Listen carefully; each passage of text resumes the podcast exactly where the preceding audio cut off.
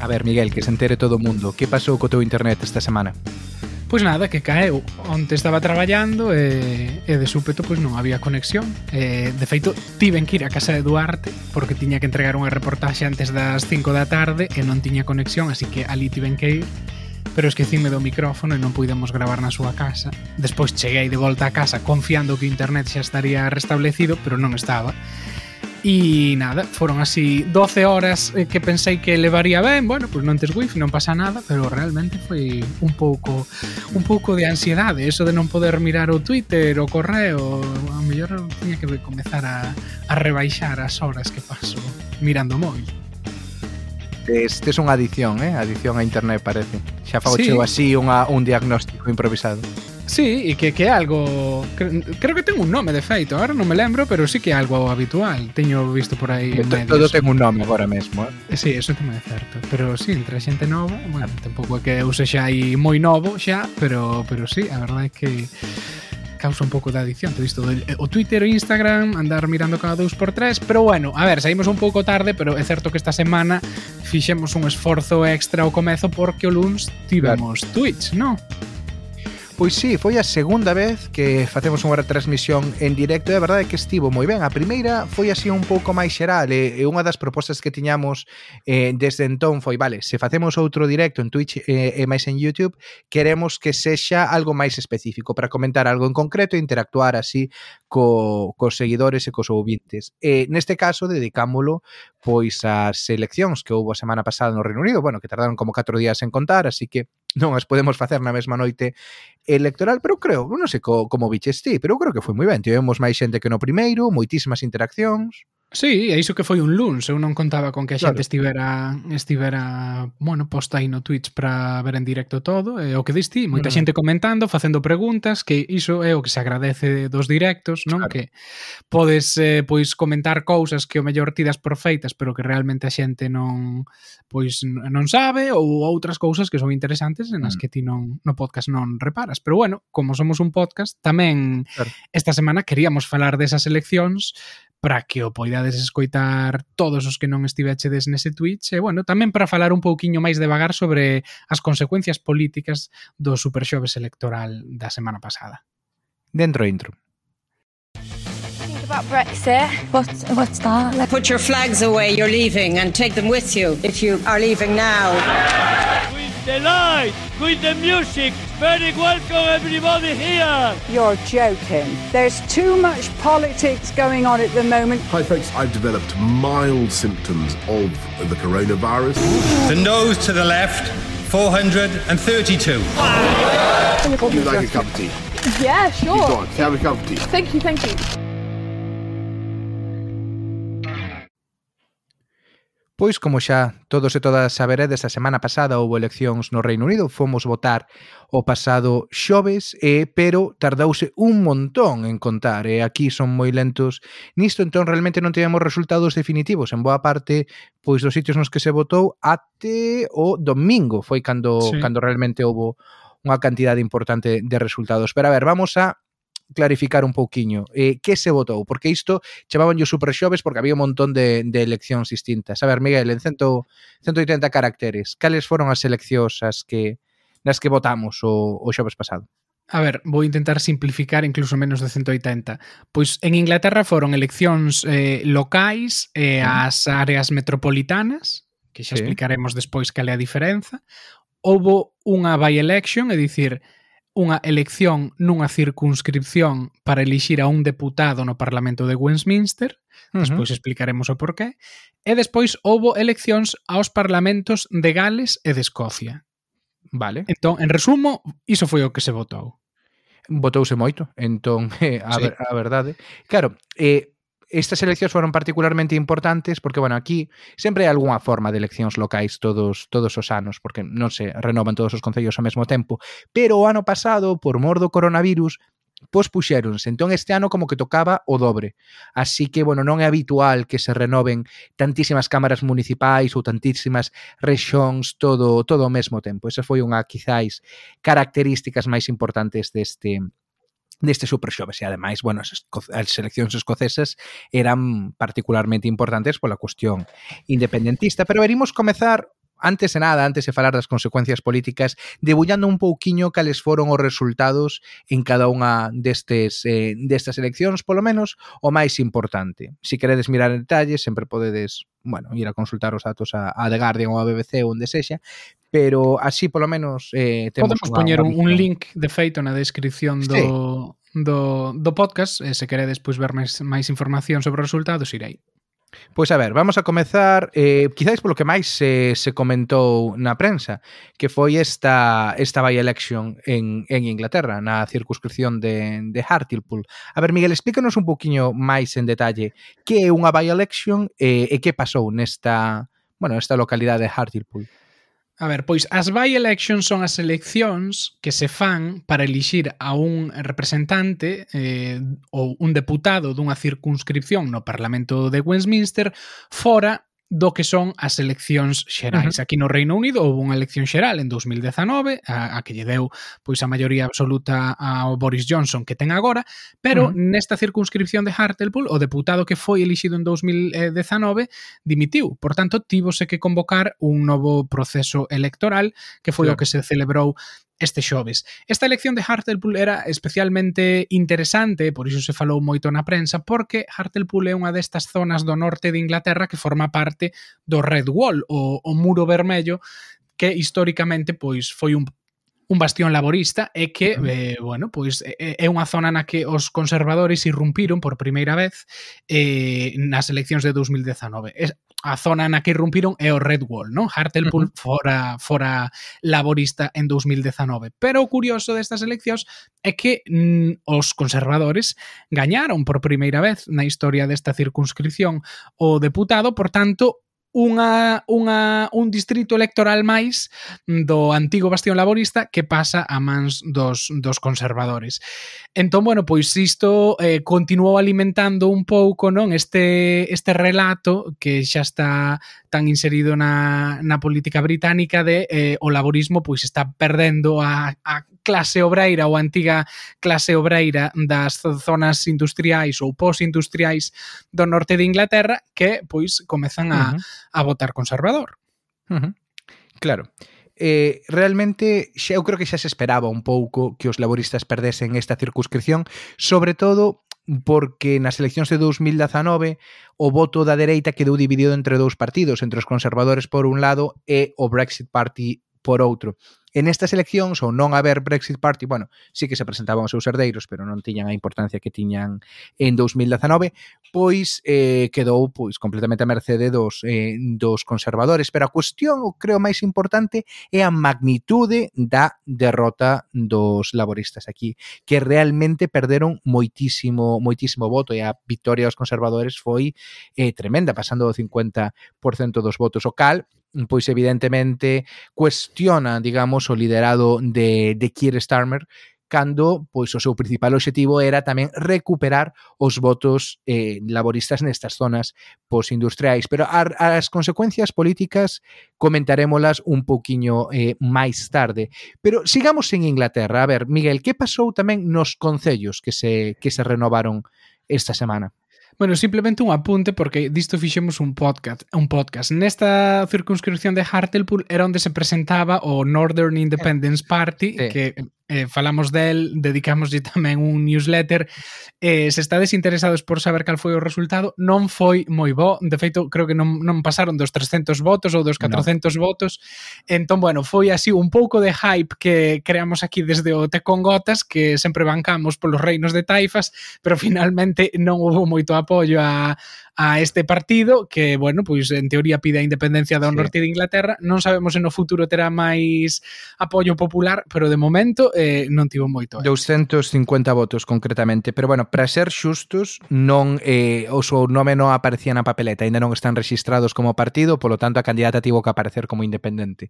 Aínda Eso. pode ser que cando aparez, apareza Northern Independence Party na papeleta, saquen saquen algo máis.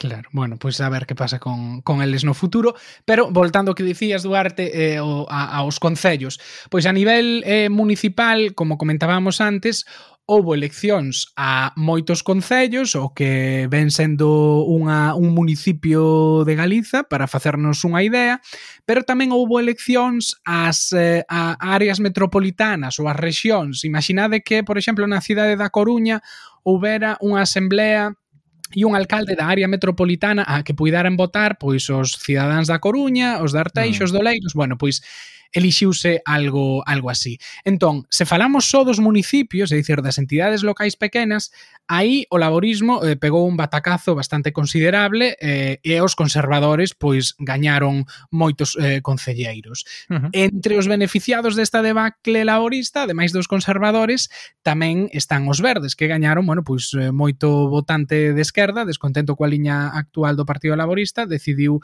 ir ir aos verdes e a verdade é que durante o reconto hai unha conta de Twitter que estivo moi activa eses días que se chama Britain Elects, había veces que vías concellos onde os, os verdes eh, pasaban de cuarta ou quinta forza a primeira subindo un 85% eh, no número de votos e vías como o, os laboristas caían na mesma proporción, non? Entón vías moi claramente a a relación.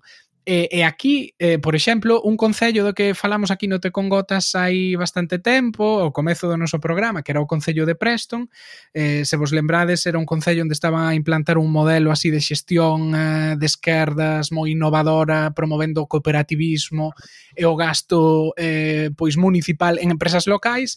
Bueno, pois se estades interesados en saber que pasou con ese concello, mantivéronse os 30 concelleiros que tiña o Partido Laborista, que, bueno, para a la esquerda do partido, pois significa algo como, bueno, vedes, como cando se fan políticas radicais desde a esquerda a xente nos apoia, pero bueno, eso, bueno, foi así un caso sí. eh, concreto. Eu non? creo que realmente, sí, xa comentaremos isto un poquinho despois, pero creo que a xente valora cando se fan políticas ou cando hai algúns valores ou algún proxecto pois eh, digamos diferenciado, que é o que o que a xente o que a xente vota. E falando sobre Preston, por certo, o al, bueno, non, non é o posto non se chama alcalde, chamase líder do concello, acaba de sacar esta semana ou a semana pasada un libro precisamente no que fala do, do modelo de, de cidade, no? baseado no, nesto do, da creación de riqueza a nivel local, que se chama uh, Paint Your Town in Red, creo que o nome, pinta a túa cidade de vermello, uh -huh. eh, no que, bueno, contan un poquinho o exemplo do, do modelo Preston, así que se alguén lle interesa, pois que saiba que, que iso anda por aí. Correcto. Bueno, pero eso foi a nivel municipal. Entón, a, sí. a nivel metropolitano do arte, aí que pasou? Pois a nivel metropolitano, como moi ben explicaches, eh, no caso de Inglaterra teñen casi consideración de, de rexións, aí houbo boas novas para o laborismo, por varios motivos. En primeiro lugar, mantivo eh, os alcalde os alcaldes rexionais máis importantes que, que xa tiña. Entonces penso, pois por exemplo, o alcalde de Londres, que se mantén a Sadicán, aínda que cun resultados un pouco peores eh, dos agardados, pero aínda así cunha maioría relativamente cómoda. Manteñen o alcalde alcaldía na, na área ou na rexión de Manchester, que bueno, non había ningunha dúbida de que os laboristas iban a manter Manchester, pero neste caso con unha maioría aínda máis reforzada, preto do 70% dos votos foron para para Andy Burnham e neste caso, o alcalde da, da área de Manchester, tivo un papel moi activo enfrontándose ao goberno pois por algunhas políticas que tomou a respecto ao coronavirus, sobre todo cando impactaban as rexións e reivindicando máis poder local fronte a, ao goberno central. Mantiveron outras áreas, así tipo, por exemplo, a rexión eh, de Liverpool, eh, outras, eh, bueno, Bristol, outra serie de, de rexións nas que era esperado que, que gañasen, pero a maiores eh, con, quitaronlle os conservadores dúas eh, dous gobernos rexionais que non tiñan na vez anterior, pois foron o de eh, Cambridgeshire e Peterborough, é dicir, na zona de, de Cambridge e cal foi outro, e West, eh, West of England, West of England sí, que tamén é... Onde bueno, está Bristol, onde está Bristol. Bath.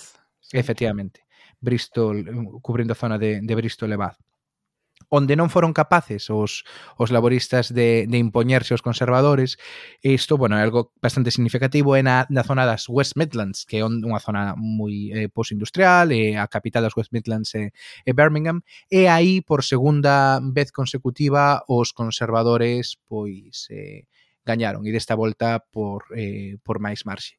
E se ben é verdade que neste caso o alcalde desa, desa región, bueno, pois ten un perfil bastante alto, eh, precisamente dentro do, das áreas antigamente laboristas, as West Midlands, é onde o, o Partido Laborista está tendo máis máis dificultades.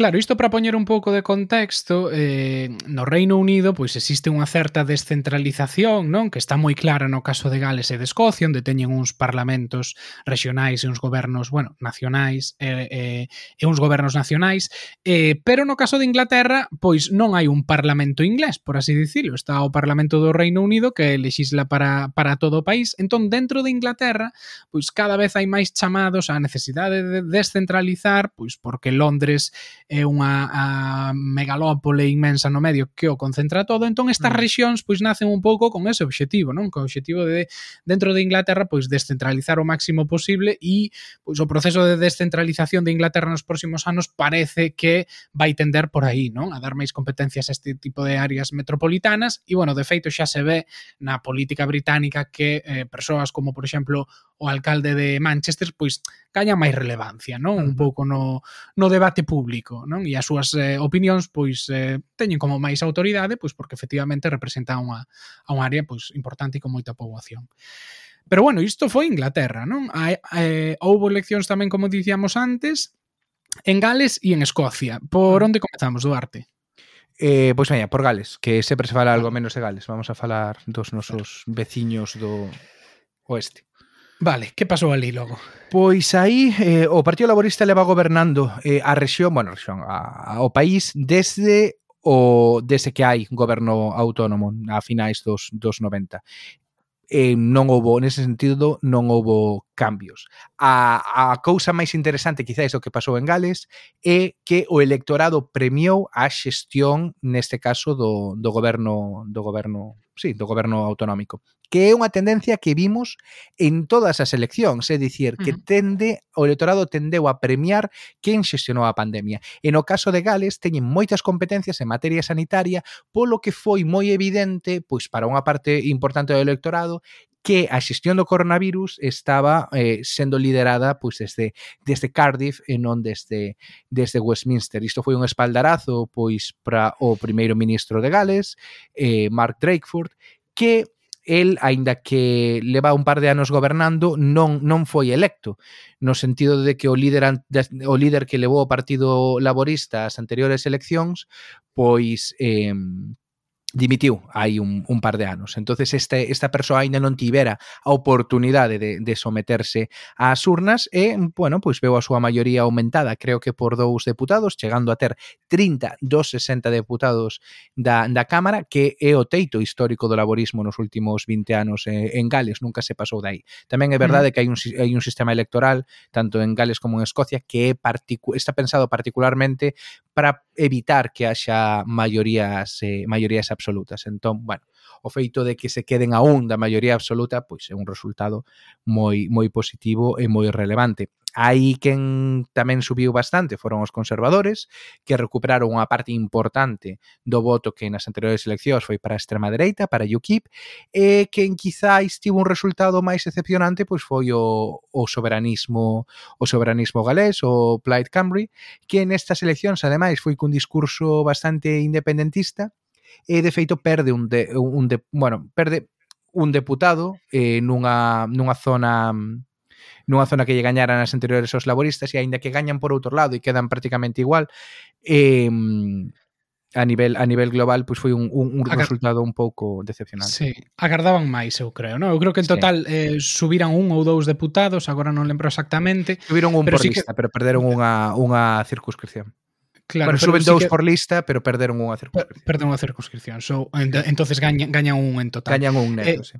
Claro, eh, foi eu, eu creo que les agardaban bastante máis disto eh, e agardaban pois poder eh, pescar bastante máis voto no, no caladeiro laborista. Uh -huh. Pero como ti dicías, pois sí que é certo que parece que a xente premiou a xestión da, da pandemia e bueno, eu, pola miña experiencia de cando estiven ali eh, por algo, eh, bueno, unha reportaxe que escribira precisamente sobre sobre este tema, eh, os galeses realmente non eran moi conscientes de que competencias tiña o goberno rexional e era algo que non eh. estaba no debate público, eh, nin tampouco hai uns medios de comunicación que se centren moito na actualidade de Gales, eh, a opinión pública, o debate público está moi eh, centrado ou xira alrededor de Londres e pois co, coa chegada da pandemia o feito de ver o primeiro ministro galés todos os días na televisión coas bandeiras de Gales de fondo Mm. Falando do que estaban a facer, pois sí que sí que é certo que lles deu un pouco, bueno, pois de orgullo polo propio, sí. non? E de e de e orgullo polo goberno que mm, eh, de acordo coas enquisas tamén os galeses pensan que o fixo mellor do que o goberno eh, de, de do Reino Unido, do que Boris Johnson. Entón, eh, sobre estas eleccións é interesante tamén eh, o, o a perspectiva nacional, non? Porque uh -huh como ti dicías antes, pois o Partido Nacionalista Galés non tivo os seus mellores resultados, pero que eh, en Gales é moi curioso porque hai moito independentista que vota o Partido Laborista. De feito, uh -huh. bueno, unhas enquisas recentes de, de YouGov dicían que en torno ao 45-50% dos votantes laboristas votarían sí nun referendo sobre, sobre a independencia. En total, claro. eh, tendo en conta o conxunto da poboación, agora mesmo un tercio ou preto dun tercio votaría votaría a favor de, de independizarse. Entón, eh, Claro, é, é, é, é complicado, non? Non se pode facer unha lectura como en Escocia, onde está moi clara a división entre o independentismo e os partidos unionistas. En Gales, eh, o laborismo ten un perfil moi propio, un perfil moi autonomista, e, e de feito, pois o Mark Drakeford, despois da, de coñecer os resultados, nunha entrevista na BBC, dixo que, bueno, que se no seu parlamento houbera unha maioría a favor de convocar un referendo, El cría que o laborismo tería que apoiar o dereito a decidir algo que choca bastante coa postura que teñen os seus colegas en Escocia, por suposto, uh -huh. pois dixo que respetaba a posición do, do laborismo escocés, pero bueno, que, que a súa posición é esa. Entón, claro. bueno, veremos no futuro que, que acontece, non? Uh -huh. Veremos no futuro como pode evolucionar a posición nacional do, do laborismo e como poden manter ese, ese equilibrio, pero bueno, sí, as eleccións foron as que foron e o laborismo en Gales sacou sacou un bo resultado. Engadiría a maiores que realmente este resultado tamén supón unha consolidación pois do goberno autonómico eh, no, en mm. Gales, porque é, un, é unha administración moi recente, eso, é sobre 20, 20 poucos anos, E aínda había ou aínda hai en partes da, da sociedade galesa que querían, eh, pois digamos, abolir ou acabar con, con, esta, con esta asamblea autonómica.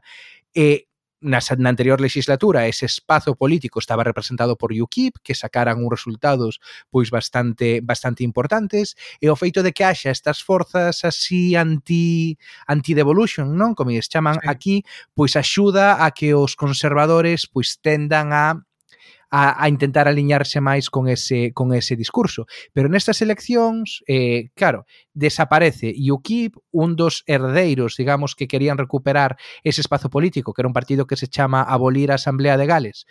Sí, non sacou... Cual, pelo. Claro, sacou... Sí, vamos, aí non, non, non houbo dúbida.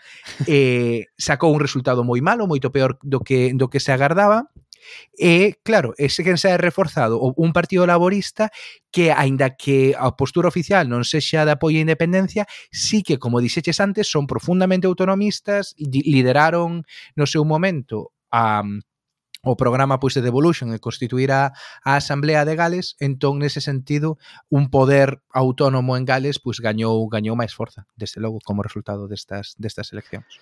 Claro. Bueno, pois Gales eh, das poucas alegrías que tivo o laborismo nestas eleccións uh -huh Porque en Escocia eh, a cousa tampouco é que lles fora especialmente ben. Eh, ali eh, o claro vencedor foi o Scottish National Party, o partido da actual primeira ministra Nicola Sturgeon, que eh, quedou a un deputado da maioría absoluta. Era o obxectivo que se, que se fixara, pero bueno, quedou a un deputado. É certo que eles mesmos recoñecían pois, que era un, un obxectivo bastante difícil de lograr e, como dicía Duarte antes, hai que entender a dimensión deste éxito eh, po, cando se mira a lei electoral, non? Está feita para precisamente evitar maiorías absolutas e eles quedaron pois a un deputado de conseguilo. Iso non quere dicir que no Parlamento non haxa unha maioría independentista, porque o, aos deputados eh, do Scottish National Party habería que sumar un grupo de oito deputados dos verdes, que en uh -huh. Escocia é unha organización política autónoma e que é claramente independentista. Non é só que defenda convocar un referendo e o dereito a decidir, sino que claramente son independentistas. Entón, agora mesmo, pois hai unha clara maioría independentista no Parlamento escocés uh -huh. que, que quere convocar un referéndum. A cuestión é que quere facelo de xeito pactado con Londres e en Londres pois uh -huh. se negan. Sí, pero antes de antes de entrar na resposta de, de Londres, tamén creo que é importante destacar o bo resultado ou bo resultado relativo que sacaron os conservadores. Escocia, históricamente, é un territorio moi hostil cara ao conservadorismo e nas anteriores eleccións, en parte grazas a unha líder moi carismática que se chama eh, Ruth Davidson, pois conseguiron sacar uns resultados históricos. Que pasou? Nestas eleccións, ou hai cuestión de, bueno, menos dun ano, eh, Ruth Davidson dimitiu do seu a cargo do seu posto liderando os conservadores escoceses. Entón, pois o líder novo que tiñan non estaba na asamblea, non era unha persoa eh, tan coñecida e, bueno, pois era un reto manter estes resultados tan tan altos e non, non, non retroceder e foron capaces de manter todos os todos os deputados. Mentres que o laborismo baixou un par deles, os conservadores mantiveronos, non? Entón un mm. resultado eu creo que particularmente bo tendo en conta isto, que era un resultado xa histórico e que a maiores non se fixo pois cunha líder tan coñecida como Ruth Davidson. Pero bueno, eh, volvendo ao que comentabas ti da cuestión independentista. Si, sí, a vontade de Nicola Sturgeon é moi clara, quere convocar un, un referéndum de independencia, pero Boris Johnson xa dixo en varias ocasións que non, que non é o momento, que non toca, que non quere saber nada do, do, do outro referendo que eso xa foi algo que, que en principio iba a ser para unha xeración e que non non toca mm, repetir eh, unha pregunta que en teoría xa quedou solucionada en 2014. Claro, aquí o argumento independentista é si nos votamos en 2014, cando ainda estábamos na Unión Europea, agora a cousa cambiou cambiou claro. moito. Pero non, bueno, non sei como vestí, pero todo parece apuntar a que isto pode ser que se decida nos tribunais, se é que Nicola Sturgeon decide legislar para dotar ao Parlamento escocés de poderes para convocar un referendo. Claro, agora a posición ou o debate que se está dando é, vale, Nicolás Sturgeon ten claro que unha, un referéndum unilateral ou unha saída unilateral non ten, non ten sentido porque non garantiría pois, un recoñecemento por parte do Reino Unido do resultado ou un recoñecemento internacional. A iso se engadirían problemas como que se o referéndum non se fai de forma pactada, podería ser boicoteado pois, polo bando unionista e, por tanto, pois, o resultado non sería representativo, pero o plan B que ten o goberno na man agora é convocar unha, eh, un referéndum consultivo. É dicir, partir da base de que efectivamente Escocia non pode de xeito unilateral marchar ou convocar un, unha consulta vinculante, pero sí podería consultar a súa poboación sobre eh, dita saída, sobre dita separación.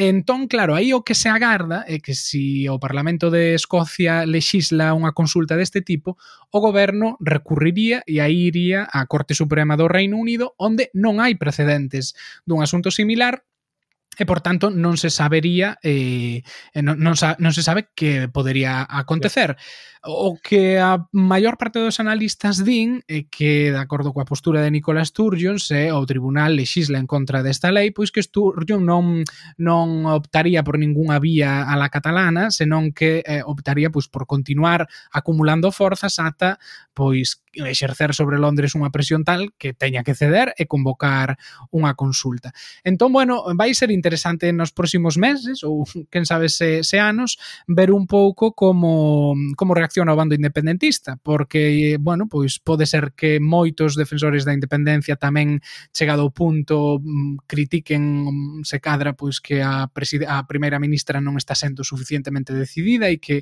non hai que estar aquí esperando eternamente e hai que marchar sí ou sí ou convocar mm. unhas unhas eleccións eh, plebiscitarias, algo polo estilo, e despois tamén vai ser interesante ver eh, eh, os equilibrios e o debate que pode haber dentro do campo unionista, porque, bueno, agora o goberno di que eh, non é momento de facer un referendo e que habería que agardar a 2040 ou 2050, porque isto é unha cousa dunha xeración, pero tamén hai moita xente dentro do, do Partido Conservador mesmo que entenden que isto é unha cuestión de principios democráticos, que efectivamente hai unha maioría absoluta no Parlamento que quere votar e que non ten sentido manter a Escocia retida durante tres ou catro décadas máis sen dereito a, bueno, pois a poder votar nun, nun referendo. Entón, os próximos eh, meses ou xa digo, se cadra anos, isto eu creo que vai ser o, o novo drama da política británica. Uh -huh.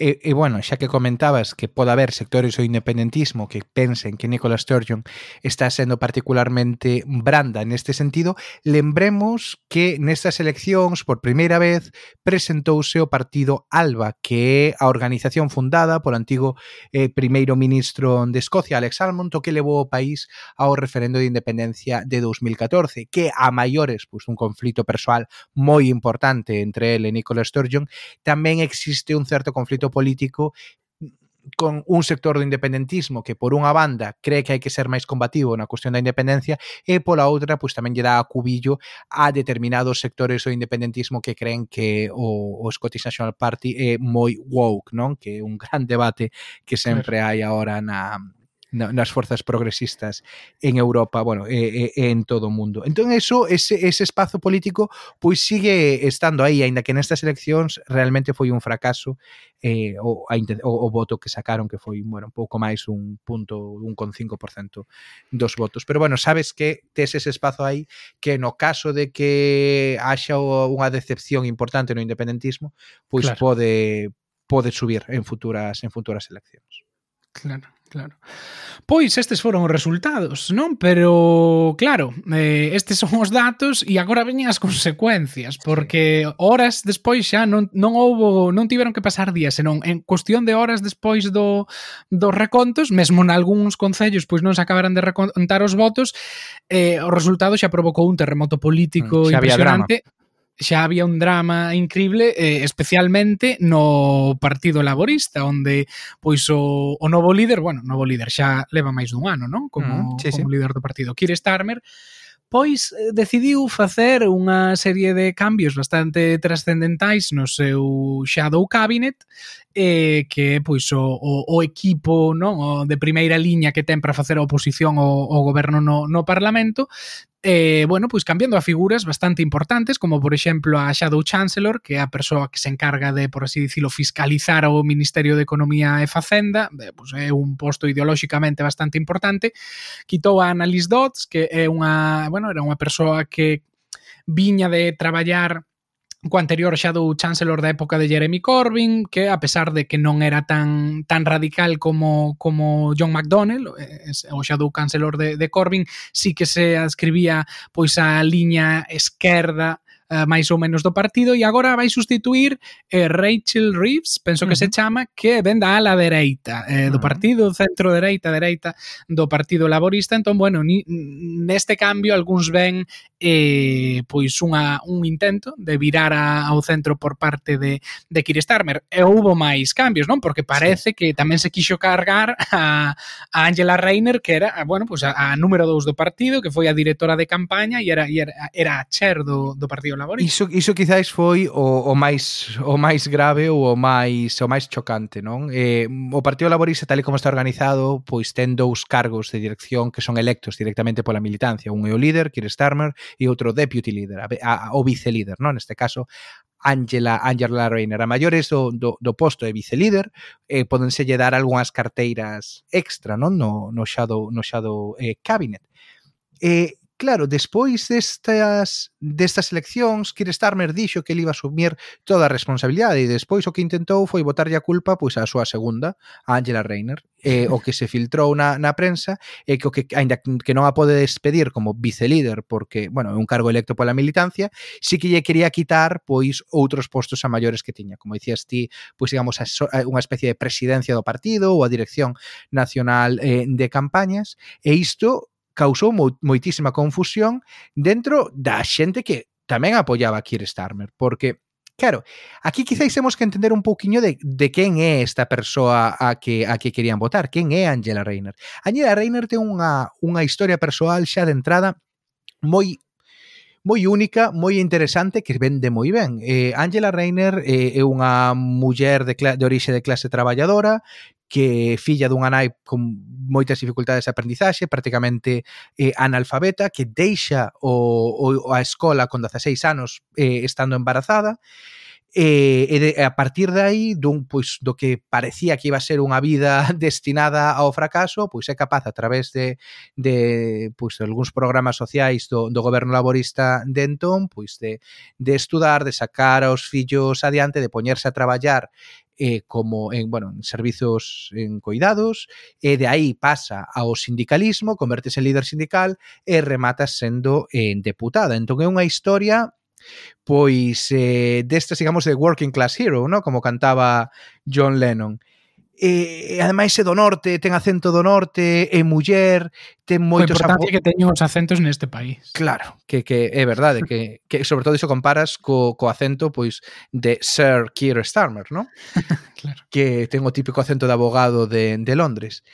E, e claro, cargarte, intentar cargarte a esta persoa que ademais ten moitísimos apoios tanto na esquerda como no centro esquerda do partido, pois foi foi moi foi moi chocante. E o peor de todo é que non o conseguiu facer non a conseguiu votar porque tivo tal reacción dentro da xente que tamén o apoiaba el, que ao final lle tivo que acabar dando máis responsabilidades no, no, no Shadow Cabinet porque ela, ela parecía que, que se resistía a... É pois, que, pues, sí, é que foi unha xogada de, de, horrible, de principiante de amateur, total. De amateur. Claro, porque ademais non foi el saindo en prensa dicindo vou facer estes cambios.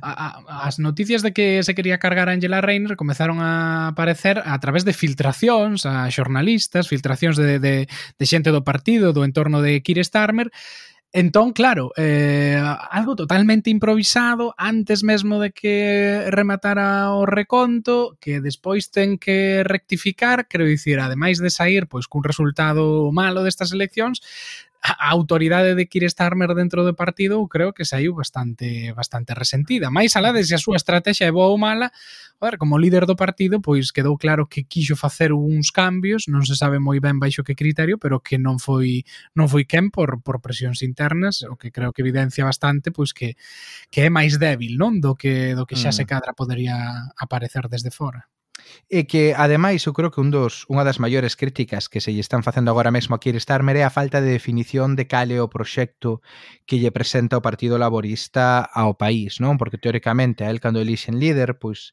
eh, faino con un programa político relativamente parecido de Jeremy Corbyn, no? a nivel programático, polo menos, non tanto a nivel de linguaxes.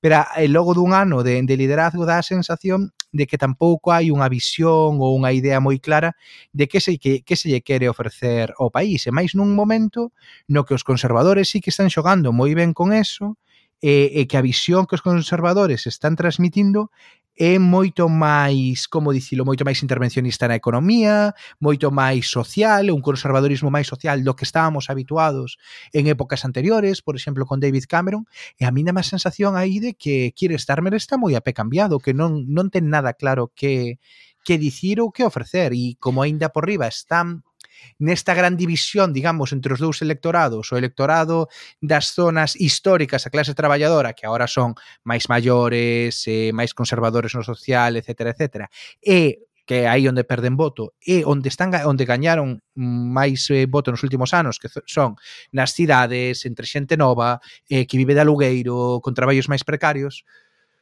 pois é incapaz de, de reconciliar digamos estes dous electorados. Claro. É curioso porque parece que segue máis os pasos de Biden, a pesar de ser Biden do Partido Demócrata, Boris Johnson, que é un conservador, que o propio Keir Starmer, non? É sí, sí. dicir, e xa non é só unha cuestión de que estean no poder, é que cando, por exemplo, o goberno británico propuxo subir o imposto de sociedades aquí no Reino Unido, que é moi baixo, dos máis baixos de, de Europa, e que levaba baixando moitos anos, é dicir, é a primeira subida en varias décadas, e, e, o Partido Laborista opuxose a esa subida. A pesar de que algo que Biden tamén está facendo nos Estados Unidos, o Partido Laborista opuxose a subir o imposto ás empresas porque dicía que precisamente agora que a economía pois non se atopa no seu mellor momento, mm non hai que incrementar as cargas a, ás empresas, cando a lógica leva a pensar que se nos Estados Unidos se está apostando por políticas eh, progresistas de investimento moito máis radicais, que é así, sorprendentemente, Joe Biden, que era así da la conservadora do Partido Demócrata, está resultando ser o máis parecido ao socialismo que cheirou os Estados Unidos nas, eh, nas últimas décadas, pois o, a lógica levaría a pensar pois que aproveitando ese empurrón, pois o laborismo apostara polo mesmo e por ir máis alá, pero que mm. parece que vai por detrás do, do propio Partido Conservador. Entón, Eh, a, a min chamoume a atención unha entrevista que lle fixeron a Starmer despois dos resultados, penso que foi na BBC tamén, e que lle preguntaban, bueno, entón, que cambios vai aplicar agora? E ele dicía, bueno, pois vou, vou aplicar os cambios que fai falta poñer en marcha para recuperar a confianza da xente no Partido Laborista. Mm. E lle mm. dicía, pero, pero que cambios? pois os cambios que fai fal, que fan falta para recuperar a confianza da xente. E dicir, un, un discurso así tan baleiro, tan de, de, de, de non ter chicha, que mm. xa non che digo que necesitas slogans así con moito punch, pero, joder, algunha proposta, algo do que, que fagas bandeira, que marques un pouco a xenda e que claro. no tempo que leva el como líder, pois non, non, non se sabe moi ben que bueno, pois que propostas así ilusionantes eh, mm. eh, pode achegar. E de feito era curioso, non? Vendo as enquisas do arte, pasarasme algunha mm. enquisa que dicían eh, o, o principal motivo polo que votaban ao Partido Laborista e só un 1% da xente dicía que que fora Keir Starmer, e sen embargo entre os que no pasado votaran laborismo e nestas eleccións non votaran, un motivo importante de peso por non repetir voto nesta formación era o líder, que non lles gustaba. Sí. O cal, bueno, pois eh, choca pois eh, co, coa proxección que te se fixo tamén de, de Kier Starmer pois como un líder, eh, como dicilo, por fin un, o laborismo tiña un líder adulto, non? Eh, que estaba a fronte presidenciable, presidenciable a diferencia de, de Jeremy Corbyn, que era como xogos de nenos e tal. E a ver, as cousas como son, Kier Starmer está obtendo sustancialmente máis doado do que o tivo, por exemplo, Jeremy Corbyn ou incluso Ed Miliband. A prensa sí, sí. trátao con cunha como teñeno como en algodóns, non? Un montón de de comentaristas pois que están prestando moitísimo moitísimo apoio, eh, tiña unha unidade no partido que, sobre todo no grupo parlamentario, non no partido, pero no grupo parlamentario que non tiveron eh, líderes anteriores, e eh, todo iso, todas esas facilidades, eu creo que as está que as está dilapidando e tamén por erros propios, eh? porque aquí hai cousas, por exemplo, sacaba outro día un, un articulista do, do New Statesman dicía que, que era moi frustrante porque o laborismo, cando facían algunha proposta programática que non fixeron moitas, Despois non as volvían a repetir, anunciábanos un día e xa non se volvía a saber nada máis delas. Hai uns meses, eh, Kier Starmer de un discurso económico que pois, no que anunciaban, pois, puxamos as súas medidas para a recuperación post-coronavirus, e unha das medidas estrela, que, bueno, tamén chego que a mí me parece unha medida estrela bastante coñazo, no? é, número, é páxina número 14 dun programa electoral, pero foi o que sacaron,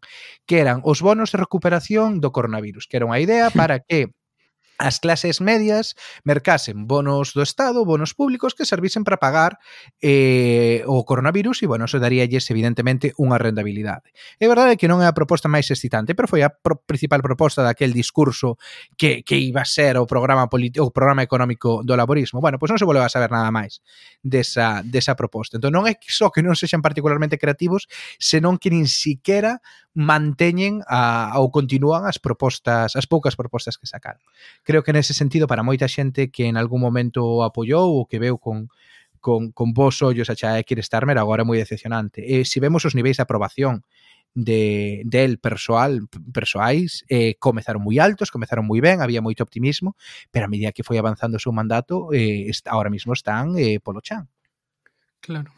Pois veremos como, como evolúe isto e eh, saberémoslo dentro de pouco, non? Porque nun par de meses, non sei se é xuño ou xullo, vai haber outra by election sí. en na circunscripción de Batley and Spen, creo que, es, que se chama así, que está no norte, porque, bueno, pois a que era deputada precisamente saiu elixida agora concelleira ou, ou alcaldesa. Al, al, alcaldesa, alcaldesa dunha, alcaldesa, dunha nestas eleccións. West Yorkshire, creo.